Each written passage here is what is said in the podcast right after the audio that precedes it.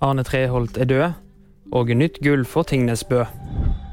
Arne Treholt er død, 80 år gammel.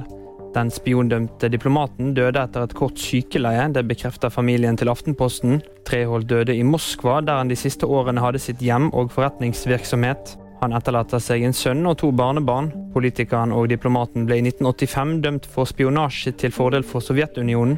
Straffesaken mot Treholt er norgeshistoriens mest omtalte spionsak. Treholt fikk lovens strengeste straff og ble dømt til sju års ubetinget fengsel for spionasje.